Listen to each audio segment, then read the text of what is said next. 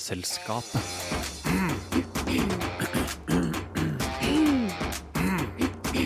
Vitenselskapet. Dansende øyeflekker, forskjellige øyefarger og todimensjonalt bilde som blir tredimensjonalt. I dag skal det handle om øyet og synssansen.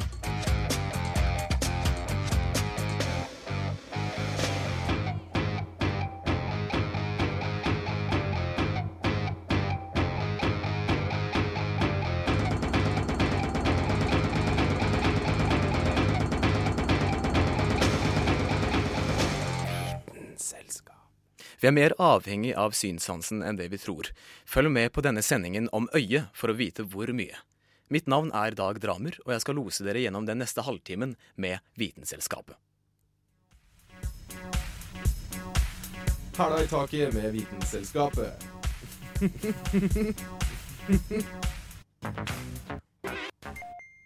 Hva skjer hvis du får bind for øynene og blir fortalt at du skal gå i en rett linje? Du vil mest sannsynlig ikke gå rett, selv hvis du prøver. I dette eksperimentet skal vi få høre hvordan det gikk da Vitenselskapet sendte Dag ut på fotballbanen bak Chateauneuf med bind for øynene.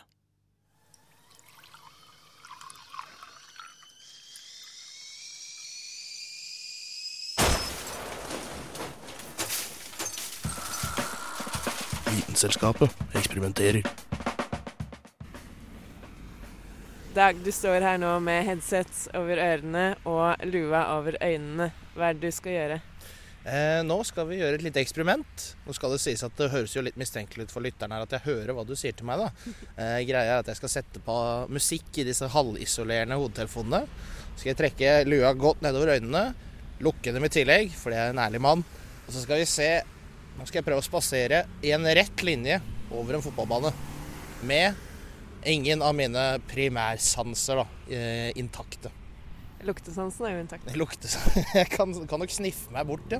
Det, hvis, hvis det er noe som har markert revir hele veien bortover banen her. Hva tror du kommer til å skje? Nå skal det sies at jeg har litt sånn der inside informasjon på at folk ikke er så gode på det her. Så jeg er veldig spent på hvor jeg ender opp.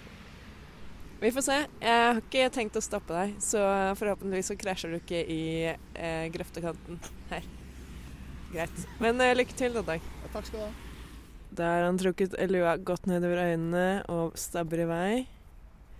Det ser ganske greit ut. Han går temmelig rett. Skuffende rett, vil jeg si. Ja, jeg setter opp et litt tempo, en litt sånn bestemt eh, gang her. Ser for meg at det skal hjelpe litt. Klinker av gårde. Ja, han skråner så vidt.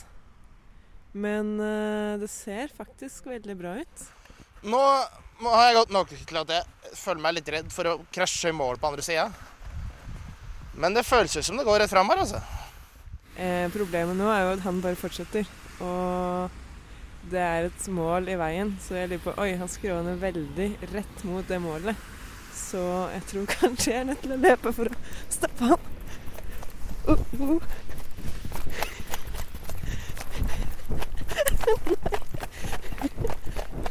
Dag.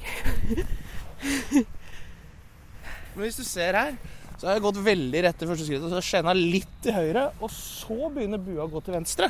Kanskje du prøvde å kompensere, da. Det er mulig jeg prøvde å kompensere. Ja. Her vet jeg i hvert fall at jeg tenkte at jeg begynte å sakke ned litt, for jeg var redd for å gå inn i stolpen på andre sida. Greit, da er det del to av dette eksperimentet. Dag prøver å gå litt saktere og med føttene rett foran hverandre. Så ser vi om det blir bedre eller verre. Yes, sir. Da kan du bare begynne, Dag. Ja, nå prøver jeg altså denne taktikken. Setter hver fot foran hverandre. Skal du si at jeg har litt sånn skeiv benføring, vil noen kalle det. Altså, når jeg går, så puker jeg føttene 20 grader ut til hver sin side. Begynner å merke at det gjør litt vondt. Ja, her mista jeg litt balansen og kompenserer. Ja, Enn så lenge går det relativt Oi, nå går det utrolig mye skeivere. Eh, han har gått kanskje sju meter, og allerede begynner han å skjene ut. Det er tydelig at dette ikke er den beste taktikken. Ja, jeg driver og sånn halvsnubler hele tida her. Ja, det her gikk dårlig, for nå føler jeg jeg har mindre kontroll enn noe jeg har hatt. Nå eh, står eh, Dag eh, han, har snudd, han har gjort en skikkelig U-sving. Og han går veldig sakte. Jeg tror han tror at han snart er framme eller noe sånt. nå. Musikken jeg hører på, hvis noen lurer, er da Queen. Det er moro, det. God stemning. Ja, nå er det nesten så han eh, krasjer i gjerdet på den andre på denne samme sida som han kom fra. Men det hadde vært litt gøy, da.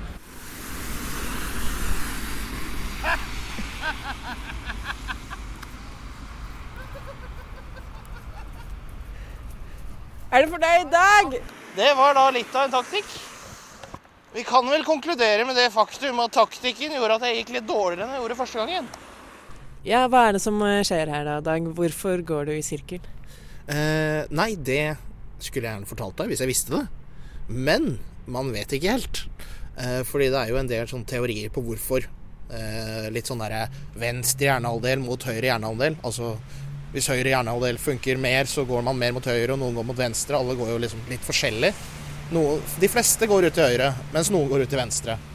Eh, andre teorier er type Har du ene beinet som er litt lengre enn det andre, så vil du skjene ut til den sida, ikke sant. Og, og noe går også på kjemikalier i hjernen.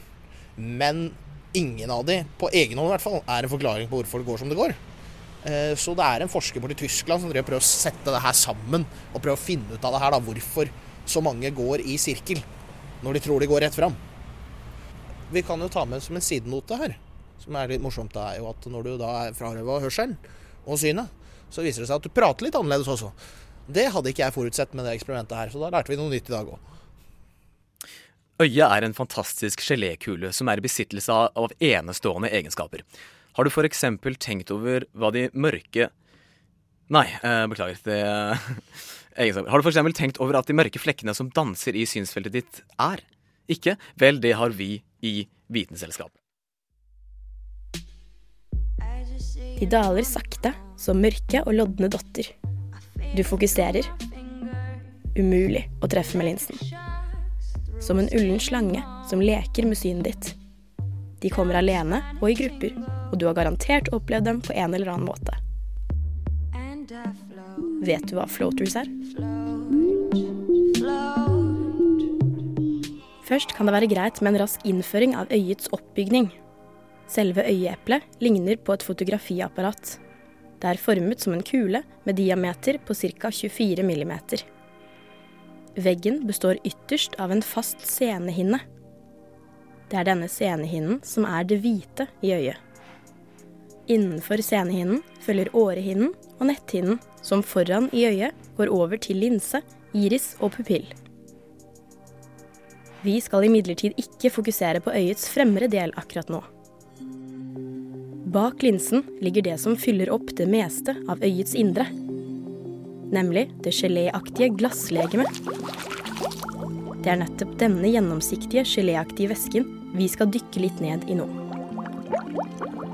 Det er nemlig her vi finner våre floatervenner. De mikroskopiske fibrene i glasslegemet kan klumpe seg sammen til små geléklumper som flyter rundt i væsken. Bevegelsen fra disse små klumpene kaster skygger på netthinnen. Det er disse skyggene som resulterer i dansende flekker i synsfeltet, eller floaters. It may look like a tiny worm or transparent blob. And whenever you try to get a closer look, it disappears. Når man først oppdager en floater, vil den naturlige reaksjonen være å se direkte på flekken. Å fokusere på dem er likevel nytteløst, fordi floatersene beveger seg sammen med øyet. Altså, dersom man registrerer en liten float til venstre i synsfeltet og flytter blikket i samme retning, vil floateren flytte seg ytterligere til venstre, og fokus blir umulig. Dersom man holder blikket stille, vil man kunne oppleve at flekkene flyter rundt, derav det søte navnet. What if they think you're not cool enough for them? What if they think you're weird? Man legger spesielt merke til floaters når man ser på åpne, ensfargede områder, f.eks. en blå himmel. Floaters er jo særdeles fascinerende, så du lurer kanskje på under hvilke forhold er det best å observere dem? Det forstår jeg godt.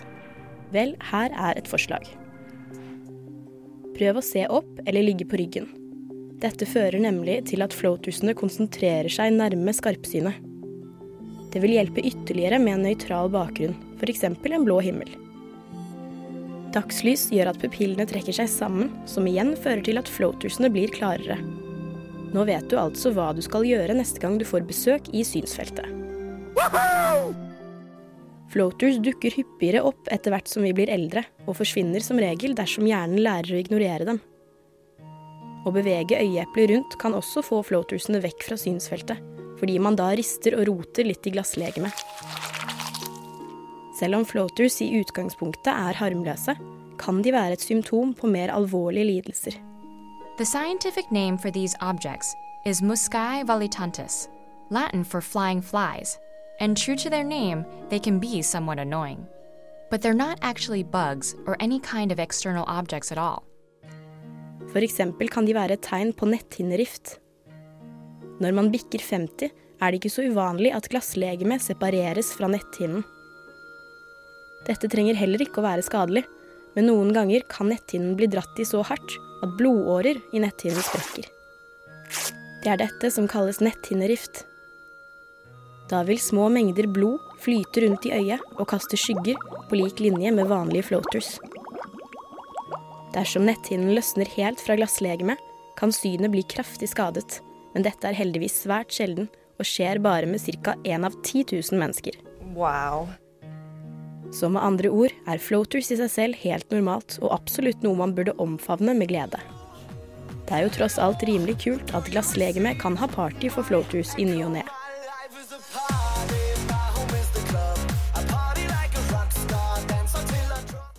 Dette innslaget er laget av Agnes Alstad Mogstad. Vitenselskapet. Vitenselskapet på Radio Nova.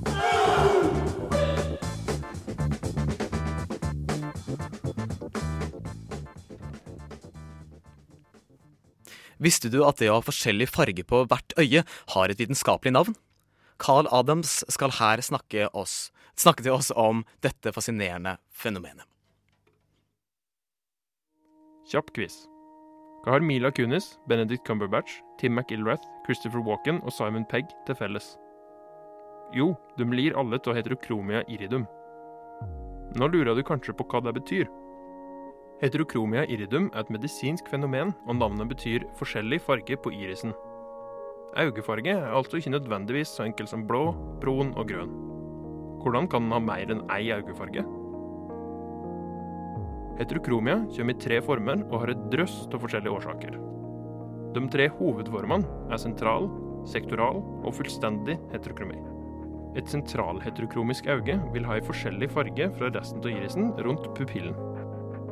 Eksempel kan det være brunaktig i midten, med resten blått.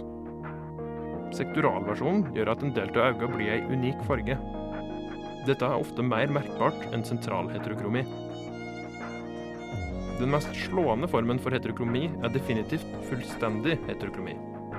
Når dette er tilfellet, er øynene helt forskjellige farger. Grønne og blå, blå og brune, det er mange kombinasjoner. Det er kanskje dette du tenker på når du hører termen heterokromi. I utgangspunktet har jo øynene ei farge, som er genetisk bestemt. Brunfarga øyne kommer fra et dominant gen. Grønne og blå øyne kommer fra et resessivt gen. Heterokromi kan òg ha sammenheng med genandelen. For det første er heterokromi delvis arvelig. Hvis årsaken er Vandenburg syndrom, er det 50% sjanse for at ungen vil arve genet. Det kan slå ut i øyefarger, men det må ikke det. Det er ikke alltid synlig. En annen genetisk årsak til heterokromi er kimerisme. Oppkalla etter den gresk-mytologiske skapningen kimæren, vil dette si at du har flere celler med forskjellig arvemateriale. Den mytiske kimæren hadde hugget ut ei løve, kroppen og hugget ut ei geit, og halen var en slange. Her er det til og med ulike artsgener ute og går.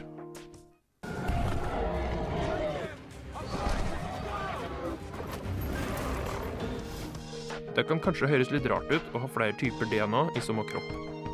Sabla rart, faktisk. Hvordan kan det skje? Det klassiske eksempelet er at en tvilling absorberer den andre i mors liv.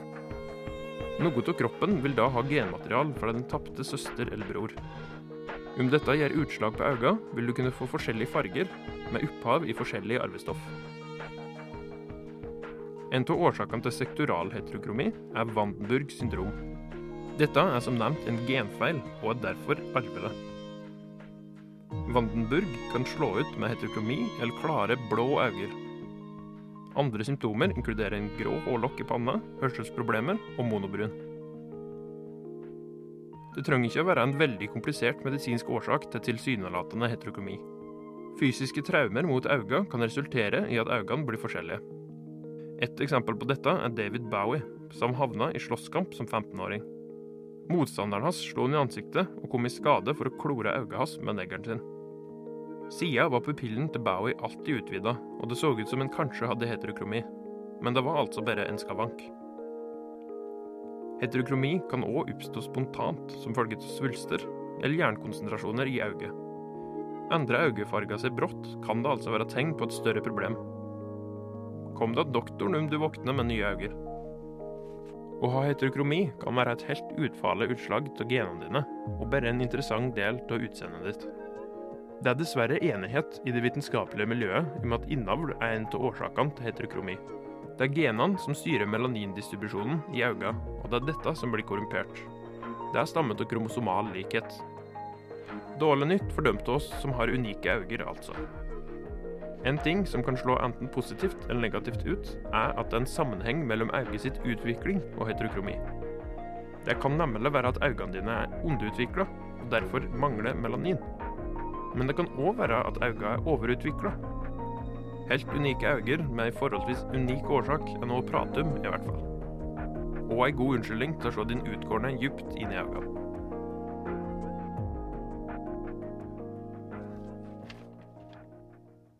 Min kollega Kristin er her, og vi skal diskutere om du kan spise fisk i svangerskapet.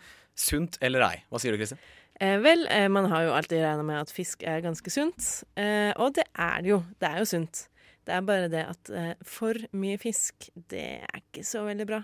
Nei, det er ikke det. Så eh, det er en undersøkelse som har blitt gjort, og den er ganske sånn eh, grunnleggende, holdt jeg på å si. Den er grundig. Eh, det er eh, flere land, det er elleve land, så har de gått gjennom eh, hva gravide damer spiser. Og de fant jo ut at hvis du spiste mer enn tre eh, måltider med fisk i uka, så hadde ikke det så veldig bra følger for barnet ditt. Hmm, ikke det? Eh, nei, fordi at da kunne det barnet bli eh, rett og slett feit. feit. Det fedme. Eh, og det er jo noe som man ikke regner med egentlig når det handler om fisk. Da tenker man å det er så sunt, du kan spise så mye du vil, helst så mye du kan få tak i. Mm. Men det er også eh, litt sånn miljøgifter i fisk. Og det her er jo bare en teori, de vet ikke helt hvorfor det er sånn at for mye fisk gjør deg feit. Men eh, det er eh, De tror at det kanskje har noe med det at det hoper seg opp, og at disse miljøgiftene har en påvirkning på fettceller i kroppen. Eh, men det betyr jo ikke at man skal spise lite fisk, for det er jo veldig mye bra næringskilder i eh, kroppen. Mm. Eh, nei, i fisken, men eh, Så eh, du bør jo spise fisk. Det er veldig bra for, eh, for eh, fosteret. Men eh, her i Norge så anbefaler man jo Det har jo ikke noe tak på det. Eh, det har man nå satt i eh, USA på grunn av denne eh, undersøkelsen her, da. Mm. Men det er jo ikke så mange som spiser mer enn tre måltider fisk i uka Nei. som gravide Det er ganske spesielt.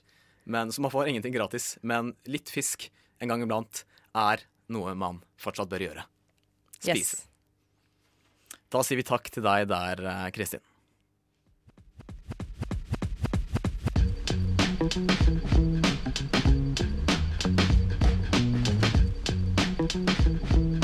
Vite nytt.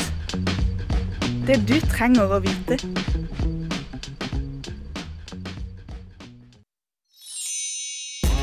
Visst, visst, visst, visst, visste du?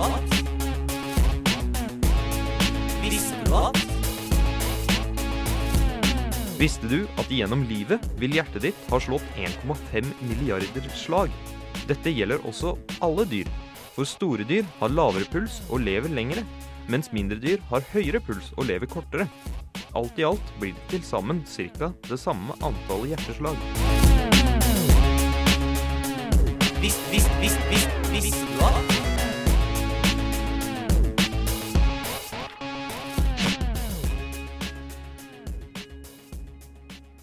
I eksperimentet vi nå skal høre, prøver Kristin Grydeland å få Dag Magnussen til å se noe som han ikke kan se umiddelbart, nemlig et 3D-bilde i et todimensjonalt bilde.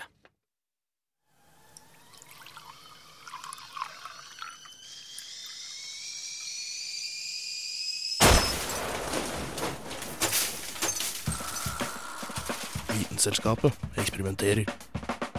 Da har jeg funnet fram noe som heter et autostereogram. Og det høres kanskje litt rart ut, men det er noe som ganske mange har vært borti. Det er et bilde med masse eh, former og farger som er litt sånn virvarete. Men når man ser på det, så skal man få fram et 3D-bilde hvis man ser på det på riktig måte. Og Dag her, han har aldri vært borti det, så han har aldri sett 3D i et sånt bilde. Eh, og derfor skal han prøve å se det nå. Ved første øyekast, Dag, hvordan ser det ut? Eh, det er gule, grønne og røde blader i et visst mønster, vil jeg si. Ser du antydning til noe tredimensjonært her? Nei. Nå ser, jeg noe, nå ser jeg at stilkene på de brune bladene er blodrøde.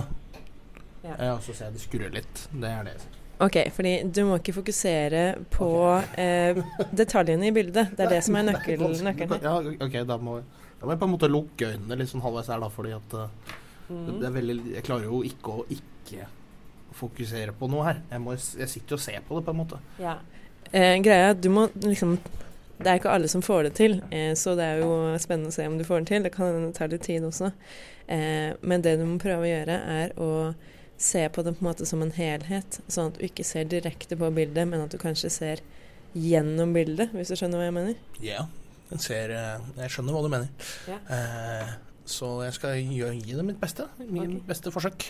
Greit. Da skal Dag prøve å se gjennom bildet og se den tredje figuren som er i Han begynner med å se litt på lang avstand. Veldig stirrende blikk her. Det hjelper kanskje ikke at jeg kommenterer mens han holder på. Ser du noen ting, Dag? Hva hvis du prøver å skjele litt sånn at det blir litt blurry, og så måtte sakte se på det vanlige igjen? Så jeg er jo i utgangspunktet så er jeg litt den derre Everything you can do, I can do better-typen. Men altså, det frustrerer meg her, altså. Jeg ser jo ikke ut til å finne fram. Det er litt sånn som å lese, kanskje. Når du først kommer over den nøkkelen, så funker det. Men fram til da så er det bare helt uforståelige symboler. Ja, det kan vi si. Men OK. La oss calle den der, da. Og så sier du meg hva det er jeg skal få til å dukke opp her. Ok, Det du skal se, er en stor maur. En maur? En maur? En maur, ja. Hvordan går det an? Nei. Det er um, det som er det store spørsmålet. Jeg kan jo kanskje bare forklare det først som sist. Greit. Det som er greia med sånne autostereogrammer, er at vi mennesker har jo øynene på litt forskjellige steder i hodet. Eh, sånn at det høyre øyet ser ikke helt det samme som det venstre øyet. Og når, man, når de to bildene da legges sammen, så blir det en 3D-effekt. Og i disse autostereogrammene så er det et gjentagende mønster, så øyet prøver å legge hele bildet sammen til ett bilde. Men det de smarte folka bak slike bilder har gjort, er at de har forskjøvet pikslene lite grann. Sånn at når øynene legger bildet sammen, så virker det som noe er litt lenger bak enn det andre. Eh, og det kan man bruke til å lage 3D-figurer. Ok, Dag har flytta seg helt på den andre sida av rommet her nå for å prøve å se det. Han myser og myser, men jeg tror ikke det funker. Gjør det det, Dag? Hei, maur. Det fins ikke. Tull. Ja, og dette bildet kan du se og lese mer om i en nettsak som publiseres eh, senere denne uka. Vi avbryter den ordinære sendingen for å bringe deg verdens roms nytt.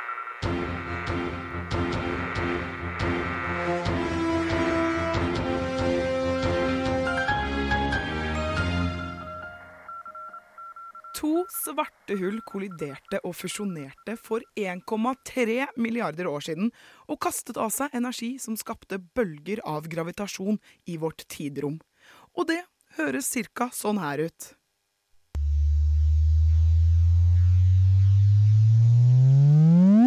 Mm, Denne stusslige lille fisen i et badekar er altså da lyden av det signalet som LIGO oppdaget i september i fjor, som de har endret til en frekvens vi mennesker kan høre. Lyden av gravitasjonsbølger. Helle milde måne, altså.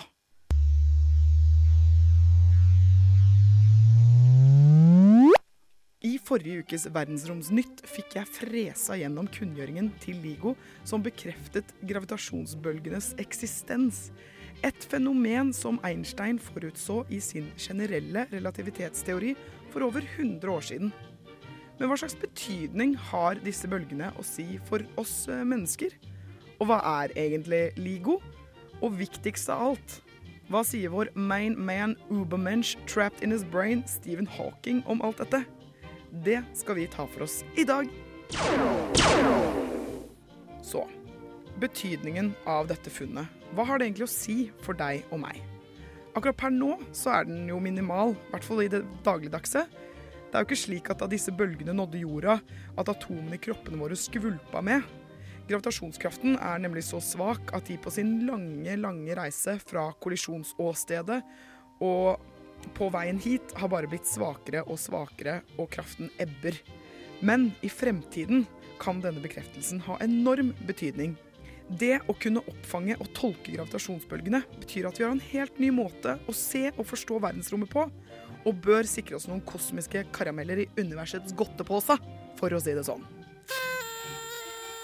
Oppdagelsen lukter nobelspris lang vei, også pga. LIGOs snedige måte å fange opp gravitasjonsbølger på, som er kompleks, men veldig lur. Dette er altså da helt enkelt forklart, ikke det at jeg har kapasitet til å forklare noe på en mer kompleks måte. To lasere som fra samme punkt sender ut et lasersignal på hvert sitt speil, som i et hjørne av en firkant. Så tenk deg en laser i Y-aksen og en laser i X-aksen, som begge er fire kilometer lang. Idet laserne treffer speilene i den andre enden, blir lyset returnert og lest og tolket av en fotodetektor. Er det da en forandring i en av disse to lengdene, kan det tyde på at en gravitasjonsbølge har cruiset gjennom og dyttet og presset på laserne. Signalet som LIGO registrerte i fjor, var lite. Det var faktisk bare en endring i 10 minus åttendels meter. Det er lite. Det er mindre enn en tusendels av en atomkjerne. Mind blown. Så her er jo all grunn til begeistring. Eller hva sier du, Steven?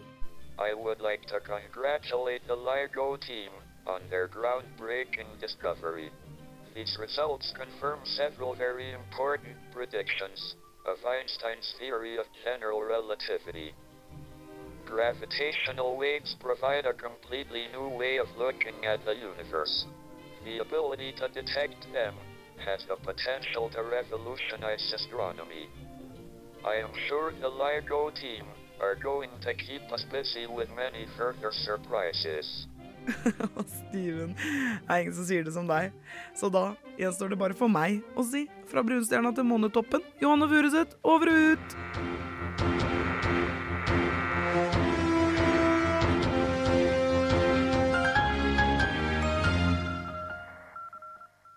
Selskapet. Det var dessverre alt vi rakk om det ekstremt komplekse organet øyet i denne omgang. Det mest komplekse organet i den menneskelige kropp. Mitt navn er Dag Dramer. Følg Vitenselskapet på Facebook, Twitter og hør oss på Soundcloud og ikke minst podkast.